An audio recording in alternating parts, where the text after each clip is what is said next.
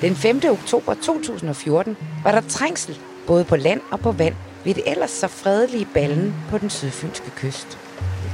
Årsagen var, at den gamle og højt elskede jernbanefærge Erosund, der fra 1960 til 1999 havde sejlet mellem Ærøskøbing og Svendborg.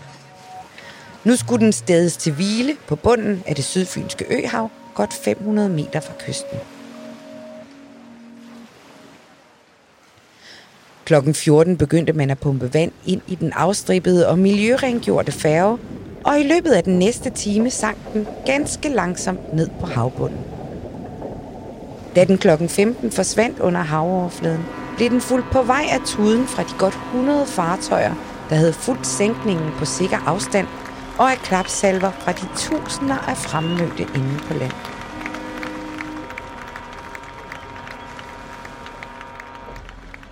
Men hvorfor i alverden sænker man med fuld overlæg et udtjent skib, i stedet for at hugge det op?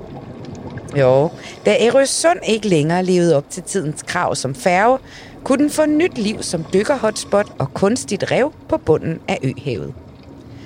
I takt med, at turismen får stadig større betydning for økonomien på hele Sydfyn, er der behov for oplevelser, der kan tiltrække og fastholde turisterne, og Aerosund er sådan en oplevelse. Men mest for dykkere. Øh, Ærøsund er et af brækkerne i det puslespil, der hedder moderne naturturisme. Samtidig skaber vraget et godt levested for havets dyr og planter, som er temmelig ligeglade med, om de sidder fast på sten eller gamle færger.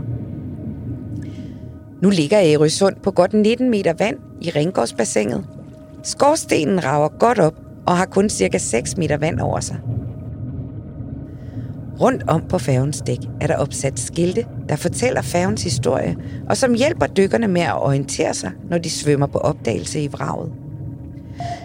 De frarådes dog at søge dybere ned end det nederste vogndæk, for dybere nede er der masser af fint mudder, der nemt kan vivle op og forringe sigtbarheden.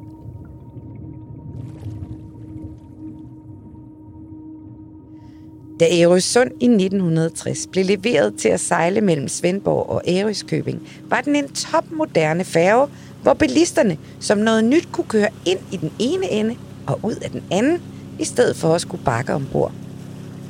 Og man kunne se tv under overfarten, både tysk og dansk.